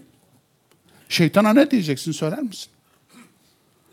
Ne diyeceksin? Ebu Leheb'e soruyorsun niye Ebu Leheb oldun? Kaderim. Yezid'e soruyorsun niye Yezid oldun? Kaderim. Bitti. Hesaba ne gerek var? Hesap gününe ne gerek var? Ne gerek var? Değişmeye ne gerek var? Tövbeye ne gerek var? Ne gerek var ibadete? Ne gerek var iyiliğe? Hiçbir şeye gerek yok. Gördüğünüz gibi. Dolayısıyla böyle bir şey. Ben bugün de görüyorum maalesef onu. Yani planlama bilmeyen toplumlarda aslında ya zaten başında fireyi hesap etmiştik. Yani niye efendim? Fireyi hesap ettik. Dörde tamamladık hanımları. Efendim eksik kalmasın yani. Tamam. Oradan bir yani bir hanımdan dokuz ürün aldık.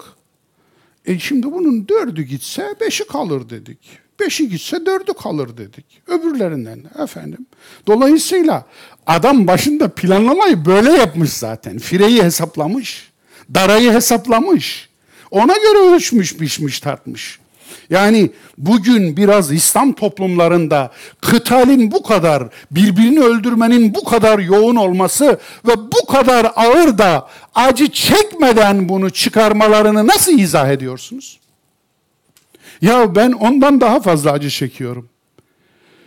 Birbirini katleden İslam toplumlarının içine çok girdim, çok gittim geldim. Ondan daha fazla acı çekiyorum, bakıyorum, o bir şey olmamış gibi davranıyor. Anlatabiliyor muyum? Ama bu yani şimdi biz e, böyle işte iyiye yorarak falan filan şey yapıyoruz da öyle değil efendim. Kol kırılır yen içinde kalır hesabı hep pisliğimizi de halının altına süpürüyoruz. Bunların arka planındaki bilinçaltı, bunların arka planındaki insan davranışları, bunların arka planındaki psikososyal davranışlar çözülmeden bu problemleri çözemeyiz. Konuşmuyoruz ki. Yalan söylüyoruz. Yalan söylüyoruz. Cinayeti işliyoruz ondan sonra da onu yiğitlik diye satıyoruz. Onun için çözemeyiz. Çözemeyiz. Çözemeyiz. Hamile annenin kendini düşük yapmaya zorlaması. Bir yöntem de buydu. Mümtehane 12'de kadınlara çocuklarını öldürmeme uyarısı. Mekke fethi biatında kadınlara koşulan şartlardan biri de buydu. Allah Resulü Mekke'nin fethinde kadınlara bu şartı koymuştu. Ellerinizle çocuklarınızı öldürmeyeceksiniz. Yani bu öldürmeme sadece doğduktan sonra öldürmemeyi kapsamıyor. Aynı zamanda hamileliklerine son verme konusunda efendim e, yani bile bile bir e, uygulama yapıyorlar. Onu da yasaklıyordu gibi gibi. Diğer dünya toplumlarında benzer durumlar. Eski Yunan doğumun ardından 10 gün içinde babanın bebeğin yaşamını reddedebilirdi. Genellikle kız olan bebek belki biri alır diye şehrin meydanına konurdu. Ölen ölür, kalan kalırdı. Sparta'da, eski Sparta, yani bizim Sparta'nın ismi oradan gelmedir ama Sparta Peloponez Yarımadası'nda yani Yunanistan'ın alt ucunda yer alan bir şehir devleti o zaman. Aksakallılar doğan bir bebeği inceler, yaşaması uygun bulunmayanlar uçurumdan atılırdı. Sparta'nın bu uygulaması çok meşhurdur. Çelimsiz çocukların yaşamasına izin verilmez bir uçurumdan atılırlardı. Hindistan, Kuzeyli aristokratlar 19. yüzyıl boyunca kız çocuklarını öldürmüştür. İrlanda, The Children's Home Vakfı'nın foseptik çukurunda 1925-1960 arası atıldığı düşünülen ve çoğu nikahsız birliktelik eseri olan 800 civarında çocuk cesedi bulundu. Dolayısıyla bu gibi uygulamalar dünyanın değişik yerlerinde de oluyor. Diri diri kız gömme geleneğinin nedenleri. Bir, yoksulluk. En'am suresi 151. ayet bunu veriyor bize. Yoksulluktan dolayı diri diri gömüyorlardı. Yani doyuramam korkusu, doyuramam kaygısı. İki, yoksul düşme korkusu. Yoksulluk ayrı. Bir de ya ileride yoksul düşersem ve bunları doyuramazsam korkusu. Bu da haşyete imlak olarak geçiyor. Evet. Yani ve la tektulu evladekum haşyete imlakin. Çocuklarınızı açlık korkusuyla öldürmeyin. İsra 31. Bir savaşta esir alınıp cariye yapılma ihtimali. Evet. Yani bu ihtimal en büyük ihtimallerden biriydi. Kays bin Asım adlı biri yemin ettiği için bu gerekçeyle sekiz kızını öldürmüştü. Buyur. Yemin etmiş. Ne diye yemin etmiş biliyor musunuz? Bir daha kız çocuğu edinmeyeceğim, kız çocuğum olursa olanı öldüreceğim diye yemin etmiş. Yeminine de e, hanis olmamış yani yeminini bozmamış. Sekiz evlat katili olmuş. Bu biraz da çok temelinde bir başka sebebini de söyleyeyim. O da neydi biliyor musunuz? Evladı cahiliye müşriği ebeveynin malı olarak görüyordu. Malı. Ha ineği kesmişsiniz, ha koyunu kesmişsiniz, ha deveyi kesmişsiniz, ha da çocuğu öldürmüşsünüz, gömmüşsünüz diri diri. Mal olarak görüyordu. Onun için Kur'an insanın insanın malı olmadığını, her bir insanın Allah'ın özel, orijinal bir yaratı olduğunu ve her bir insana şahsiyet olarak baktığını ve ve la teziru vaziratun vizra ukra hiç kimsenin günahını, yükünü hiçbir başka kimsenin üstlenmeyeceğini ve Allah nezdinde her bir insanın eşsiz olduğunu ifade etmesi Kur'an'ın bu yüzdendi. Mal olarak bakıyor ve maalesef İslam fıkhına bu cahiliye, müşrik aklı geçti. Mal olarak bakıyor. Bugün de öyle. Bugün de öyle. Mal olarak bakıyor. Bakıyorum.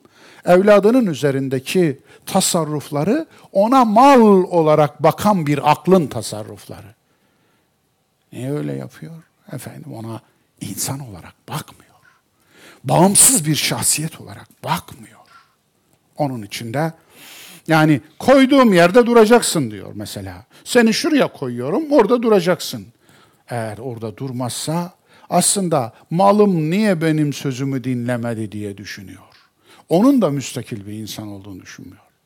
Düşünün, anne baba evlat ilişkileri bizde aslında ihsan üzere olan ilişkilerdir. Anlatabiliyor muyum? İhsan üzere, ihsan ile muamele et. Emir budur. Eğer onlardan biri yanında ihtiyarlarlarsa onlara ihsan ile muamele et, üf bile deme. İhsan ile muamele. Ama itaat emri yoktur. Aksine eğer onlar Allah'a ve Nebisine itaat etmezlerse sen de onlara itaat etme emri vardır. Anlatabiliyor muyum? Böyle bir şey vardır. Ama bizde ona evrilmiştir bakınız. Yani ihsan ile muamele itaate evrilmiştir. Ve hak muamelesi düşünülmez. Oysa babalık veya evlatlık hak hususunda değişmez ki. Yani babanın evlad üzerinde hakkı olduğu gibi evladın da baba üzerinde hakkı var. Yani baba olmak evladın hakkını gasp etmeyi, evladın hakkına geçmeyi, evladın hakkını yemeyi helal kılar mı? Kılmaz. Ama böyle bir fıkıh yoktur okuduğunuz kitaplarda. Bu bahis bile yoktur.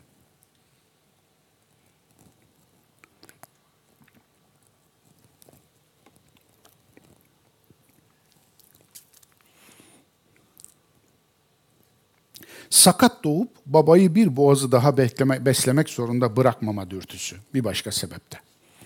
Kur'an'ın konuyu ele aldığı bağlamın çağrışımları.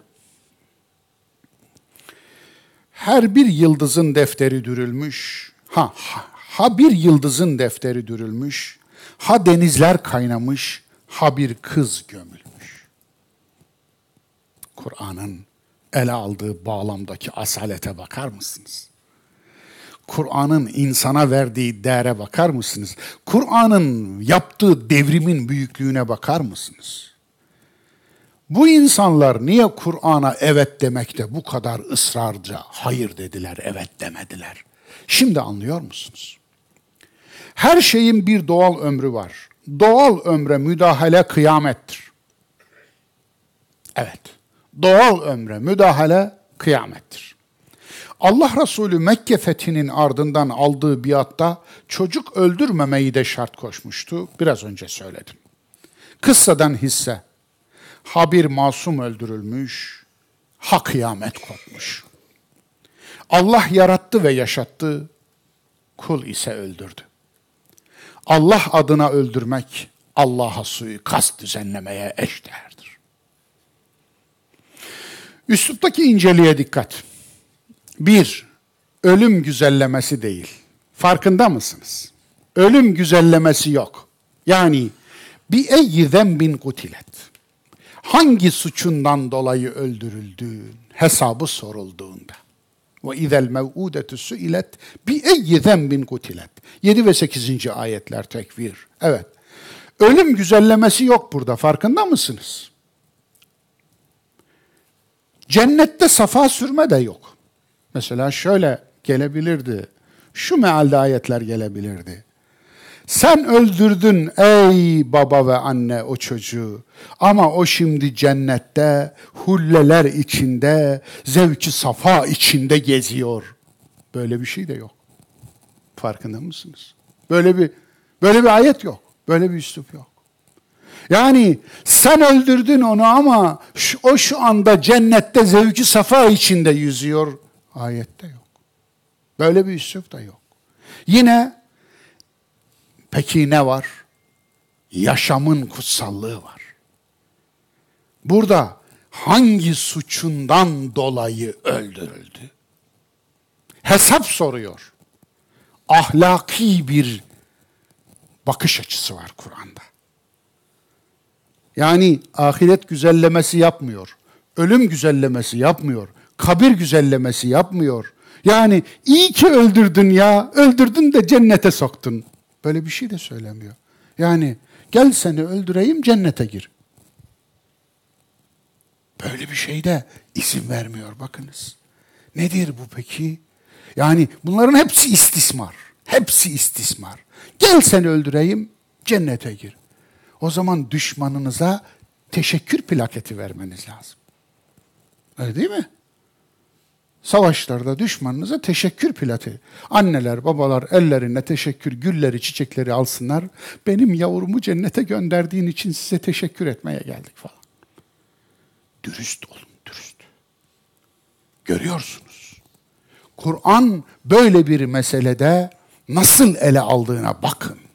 O da nedir? Yaşamın kutsallığı. Sonuç, Kur'an dinci bir kitap değil. Dinci bir kitap olmak ayrı bir şey. Anlatabiliyor muyum? Dinli olmak ayrı bir şey. Dinci olmak dini satmak anlamına gelir. Pazarlamak anlamına gelir. Bir şeyi pazarlayan artık ondan mahrum kalır. Kindi öyle diyor ya. Bir şeyi satın alanındır o.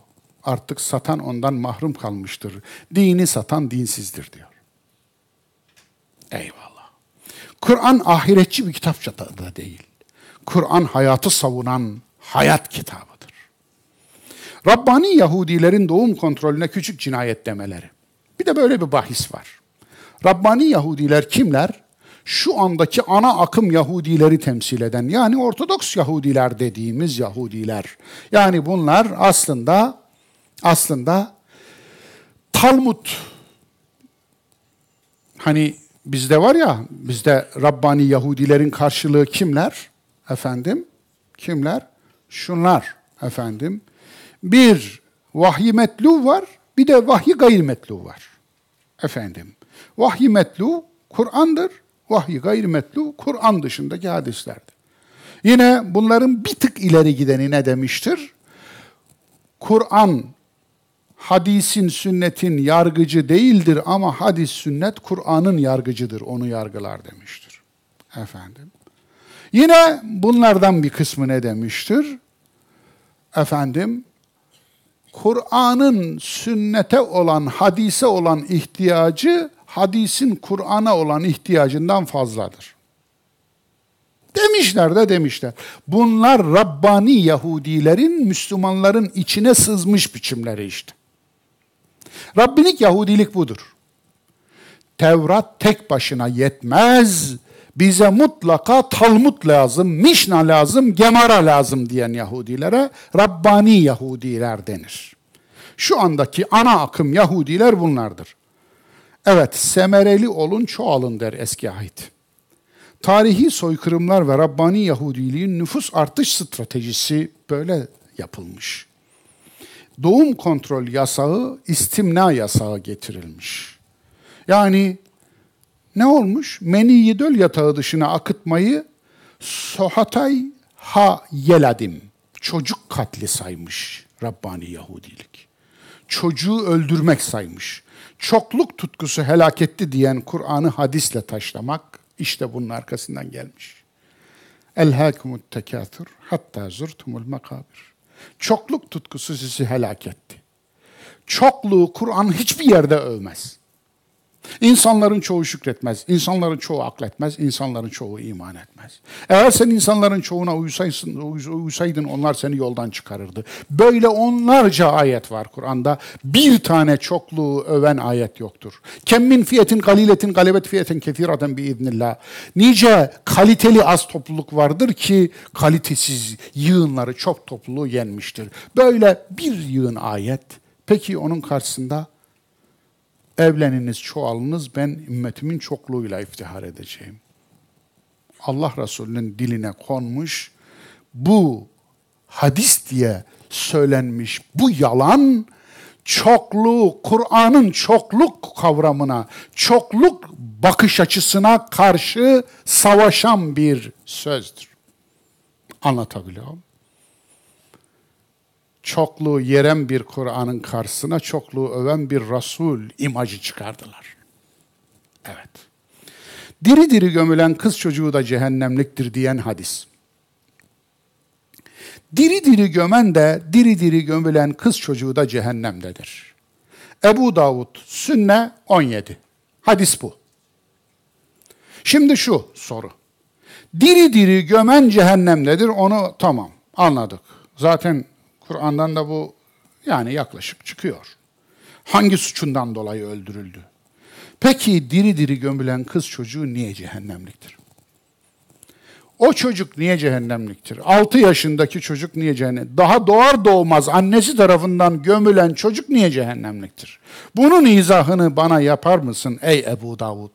Ey adını, derlemesinin adını kitabı sünnet koyan, sünnetler topladığını söyleyen Ebu Davud. Ve Kütüb-ü Sitte'den bir tanesi bu biliyor musunuz? Paralel Kur'an ilan edilen Kütüb-ü Sitte'den bir tanesi bu. Efendim. Yani düşünün efendim, Bukhari, Müslim, Ebu Davud üçüncü sıralamada da. Peki sen bu sözü aldın nasıl koydun oraya? Evet. Ayeti taşla hadisi akla. Ayeti taşla hadisi akla.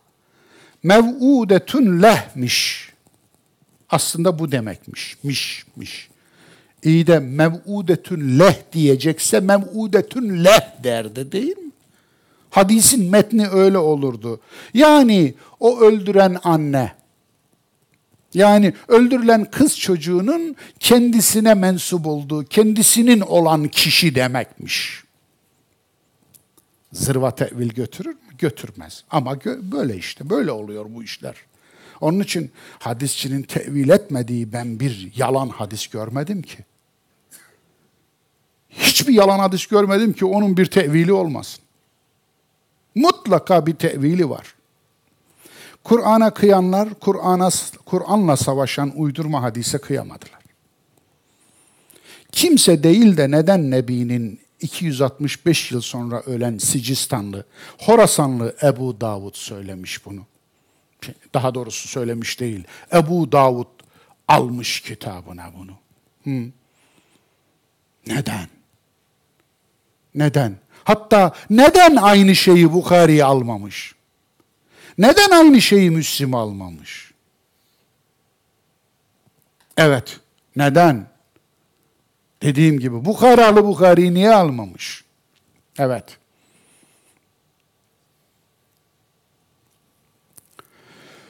Bu hadiste hangi sünneti gördün de sünnetler kitabını aldın diye sorasım geliyor Ebu Davud'a.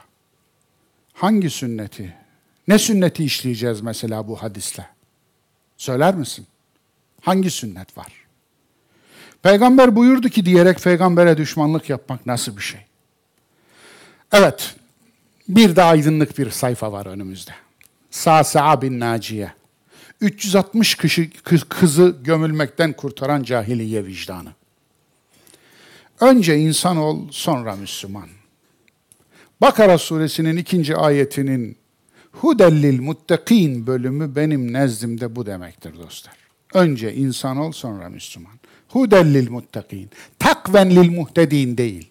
Huden lil muttakin. Yani müttakiler için hidayettir. Sorumlu davrananlar için Kur'an bir hidayettir.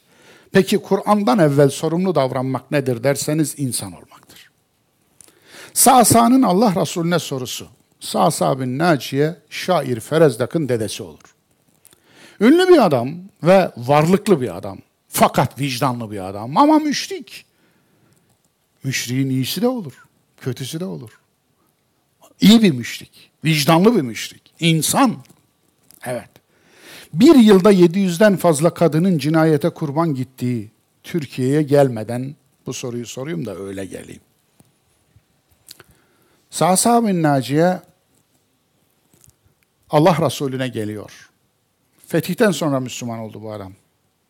Ömür boyu müşrik. Ama fetihten sonra artık başka çare kalmadı. Geldi Müslüman oldu, teslim oldu. Allah Resulüne sorusu şu. Ya Resulallah ben müşriktim.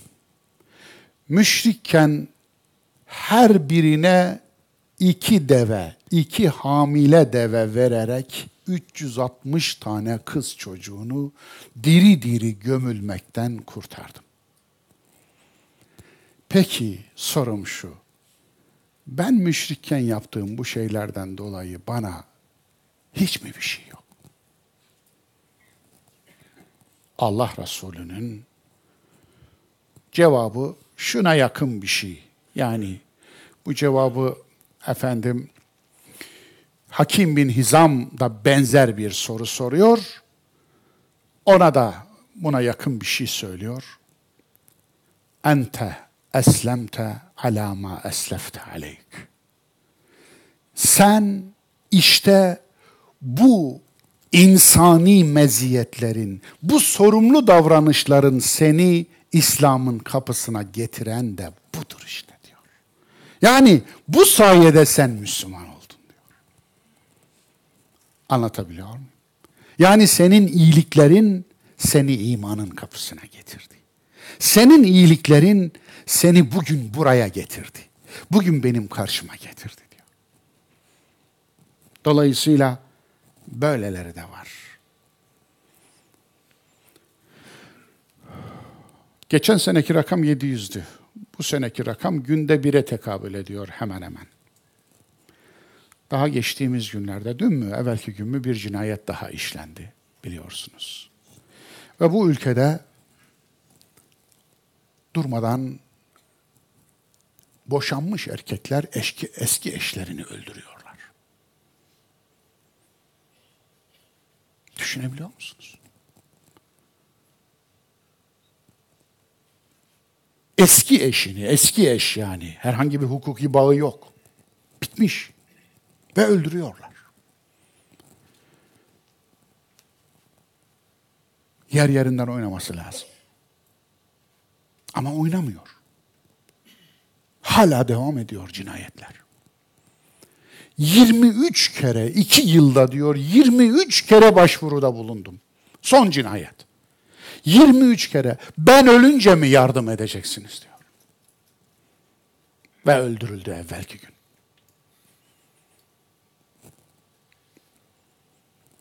Ne dersiniz? Hayatın dokunulmazlığı, hayatın kutsallığı ne oldu? Peki diri diri gömen cahiliye müşrikleri orada ve bugün kadın öldüren habire kadın öldüren bir toplum burada. Cahiliye devam ediyor. Başka bir izahı var mı? Vicdan hiçbir zümrenin babasının tapulu malı değildir. Müslüman vicdansız, müşrik vicdanlı olabiliyor. Burada da gördüğünüz gibi. Ekler. Evet. Efendimiz ben 16 yaşındayım. Rotterdam konferansında tabi oldum. Şu an 51 bin zikirdeyim ve zikrimi zevkle çekiyorum. Ama yine de içimde bir şüphe var tabiyetim geçerli oldu mu diye. Henüz namaza başlamadım ama zikrimi aksatmadan her gün çekiyorum. Efendimiz bana lütfen cevap verebilir misiniz? Tabiyetim kabul olmuş mu diye.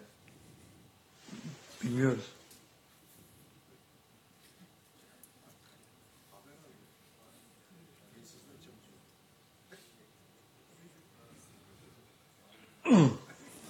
Evet evladım tabiyetin kabul olmuş.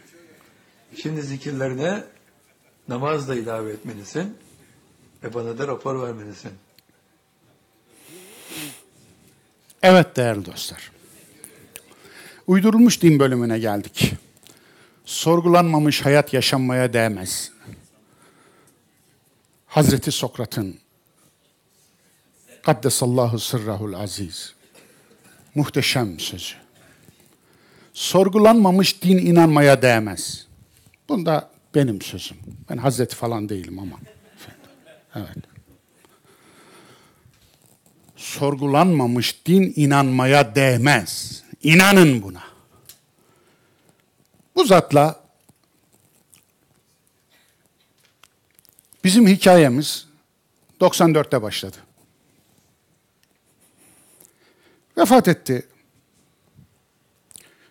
Yani Allah'ın rahmeti geniş.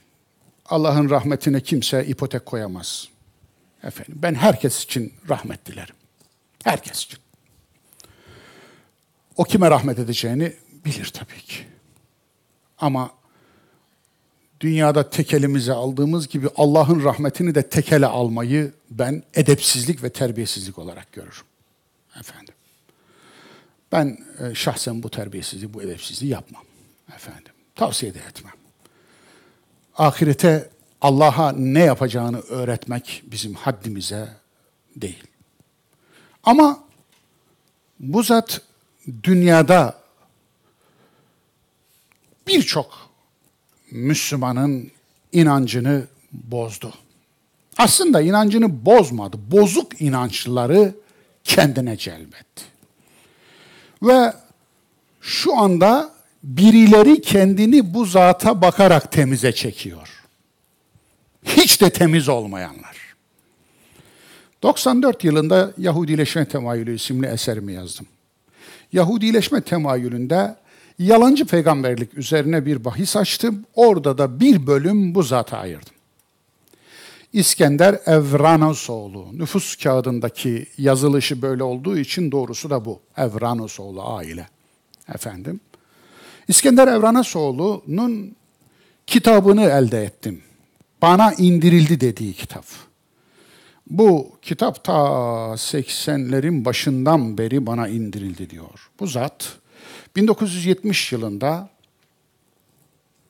merhum Özal Devlet Planlama Teşkilatı başındayken Devlet Planlama Teşkilatı'na raportör olarak giriyor. Efendim, iktisatçı ve banka bankaların efendim e, sermaye yapıları falan üzerine kitapları var. 7-8 tane iktisat kitabı var. Çok da ciddi efendim. Alanında ciddi bir iktisatçı, bir ekonomist. Ve ondan sonra bana bir kitap geldi diyor. Kitabının adı şu. Aslında bu zat Risale-i Nurları okuyarak buraya geliyor. Kitabına koyduğu isim de oradan mülhem. Efendim. Evet, Risalet Nurları. Risale-i Nurlar demiyor da Risalet Nurları diyor kendi kitabına. Kendi kitabı. Bana bu Allah tarafından indirildi diyor. Bana bu yazdırıldı diyor. Ve hatta gökte tüm peygamberlere her gün namaz kıldırdığını söylüyor. O kitabından bölümler aldım ben Yahudileşme temayülüne. Soner kulumuza söyle, Erbakan ve Türkeş kulumuzu razı etsin ve koalisyon kursunlar. Efendim. İşte şöyle şöyle şöyle yapın, gidin siz efendim falana söyleyin ki onun efendim ruh dalga boyu benim ruh dalga, dalga boyuma uzanmıştır falan filan gibi acayip garayip şeyler efendim. Buraya e, alabilirdim de almaya ihtiyaç duymadım. Ondan sonra e, habire mürit kazandı bu zat. Bu zat önce şeyh olarak başlıyor yola. Mürit devşiriyor. E, Bursa'da doğmuş büyümüş bir insan efendim. E, ondan sonra e, işte e, Yıldırım Akbulut döneminde e, şikayet ediliyor. E, görevden alınıyor ve sanırım burada tazik de görüyor mu görmüyor mu bilmiyorum. Amerika'ya geçiyor, orada yaşıyor ve orada vefat ediyor. Yeni vefat etti. Ve bu zat iki sene evvel beni mahkemeye verdi. Kur'ani hayatta yazdığım bir başyazıda yalancı peygamberler demişim ve bunun ismini de paragrafın ilerisinde vermişim. Bana niye yalancı peygamber dedi diye efendim hatta orada yalancı Resul dedim ısrarla da o efendim 32 sayfa şikayet dilekçesi vermiş savcıya, savcılığa. Avukatı. Neyse gittim savcıyla görüştüm.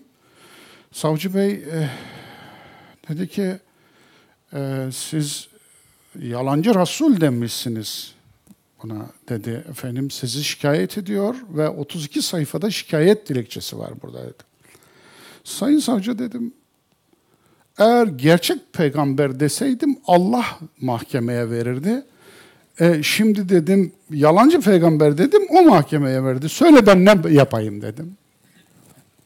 Tabii bir, bir şey çıkmadı. Çıkması da beklenmez. Olur olur çıkar çıkabilir yani. Niye yalancı peygamber diyorsun diye adamı içeri de atabilirler yani. Ama bizim maceramız bu zatla 94'te başladı. Ben sadece orada hükümde de bulunmadım, yargıda da bulunmadım, isim de takmadım. Kendisi için kullandığı şeyleri söylüyorum sadece. Fakat şimdi Diyanet bir şey yayınlamış. Bizim efendim işte imam da göndermedik, şey de yapmadık falan. Ey Diyanet! 40 küsür yıldır ortada. Bana kitap geldi diyor. Bana vahiy geldi diyor. Din İşleri Yüksek Kurulu'nu toplayıp da bir fetva yayınladın mı? Ey Diyanet! Mehdilik yoktur ey Müslümanlar diyebilir misin sen? Diyebilir misin? Bunu diyebilir misin? Diyemezsin çünkü sen de aynı şeye inanıyorsun.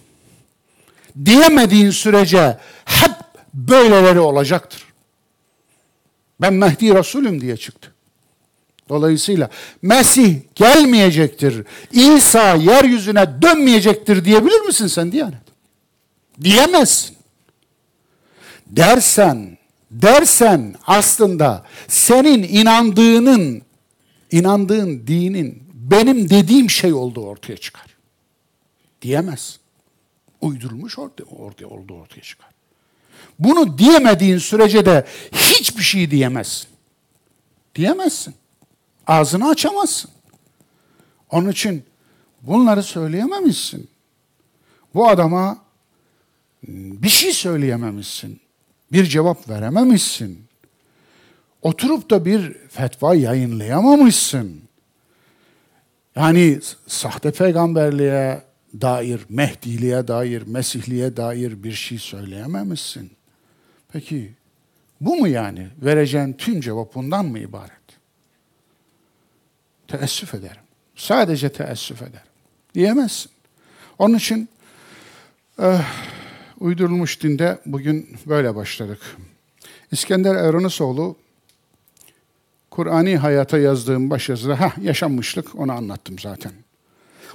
Haftanın tweet'i. Ayşe'nin son satırları. Feryadı duyulmadı. Ayşe Tuğba Arslan kendisini tehdit eden eski kocası hakkında 23 kez suç duyurusu yaptı. mahkemeye verdiği son dilekçeyi ben ölünce mi yardım edeceksiniz diye bitirdi ve kocasının satırlı saldırısı sonucunda can verdi. Allah geride kalanlara sabırlar versin, rahmet etsin. Ne diyelim? Ama bu cinayetler böyle devam edecek. Zira bu cinayet burada işlenmeden burada işlenmez. Buradaki cinayeti önce ortadan kaldırmak lazım. Evet, Anadolu irfanı diye bir başlık açtım. Bu başlık, bu ifade bana ait değil. Anadolu irfanı aslında Anadolu insanının yüzüne söylenmiş bir yalan. Bir toplumu yoldan çıkarmak istiyorsanız ona hak etmediği payeler veriniz. Bu topluma en büyük kötülüklerden biri budur. İznik'e bağlı Çakırca Köyü Camisi'nin kubbesi yenilenirken leyleklerin 15 yıllık yuvası yıkıldı. Cami Derneği leyleklerin yine yuva yapmaması için tel çektirdi. Cami yaptırıp sonra leylekler yuva yapmasın diyen bir kafa. Söyleyecek hiçbir şey bulamıyorum. Her şey ortada. Evet. Tavsiye görsel. Children of Men. Aslında erkeklerin çocukları anlamına gelir ama Son Umut diye çevirmişler Türkçe'de yayınlanan bu filme. Son Umut başlığını vermişler. Efendim bence filmin genel akışına da uygun. Efendim orijinal ismiyle birebir örtüşmüyorsa da e, ben e, seyrettim. İnsanlık e, ne olurdu? Yani bir çocuk insanlık için ne demek? Artık insanlık çocuk yapamaz olmuş çocuk doğmuyor. Bir tane çocuk doğuyor ve bunun ne demek olduğunu Allah'ın insanlıktan umut kesmediğinin delillerinden biri de çocukların hala doğuyor olmasıdır demiştim ya. Efendim, işte bunun çok harika bir hikayesi, çok güzel bir filmini yapmışlar ben e, hepinize tavsiye ediyorum. Tabiat ayetleri. Değerli dostlar, şunu dinler misiniz?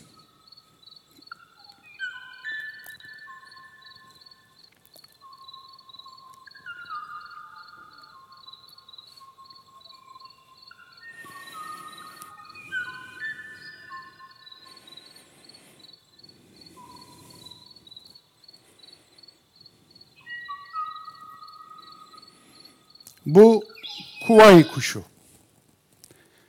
Bu ses 1987 yılında son kez kaydedildi. O günden bu tarafa bu kuşu gören yok. Duyan yok. Yani neslinin son örneği. Bir ayet daha gitti. Her tür bir ayettir. Buna böyle inandırılsaydık eğer köpekleri arkasında maşallah yazılı arabaların arkasına takıp da diri diri sürüklemezdik. Dolayısıyla bu benim içimi biraz acıttı, sizinkinde acıtsın istedim.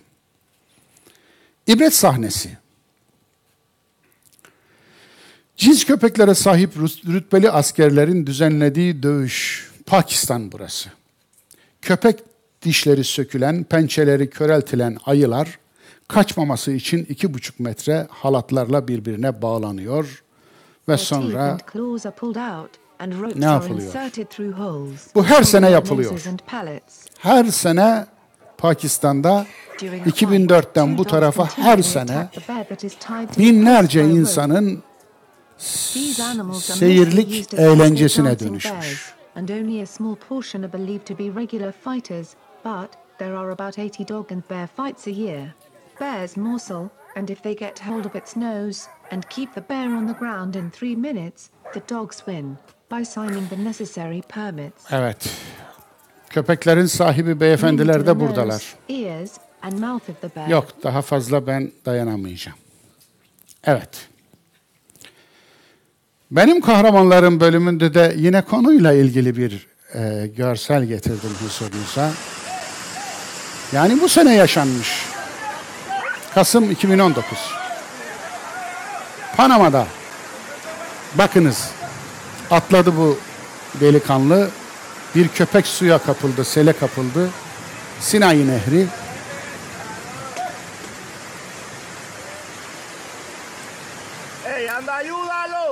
Sonuç mutlu. Beyefendi canını dişine alarak, kelleyi koltuğa alarak atladı ve köpeği kurtardı. Evet, efendim bugün de bu kadar. Akleden kalbinize afiyet olsun. Allah'a emanet olun.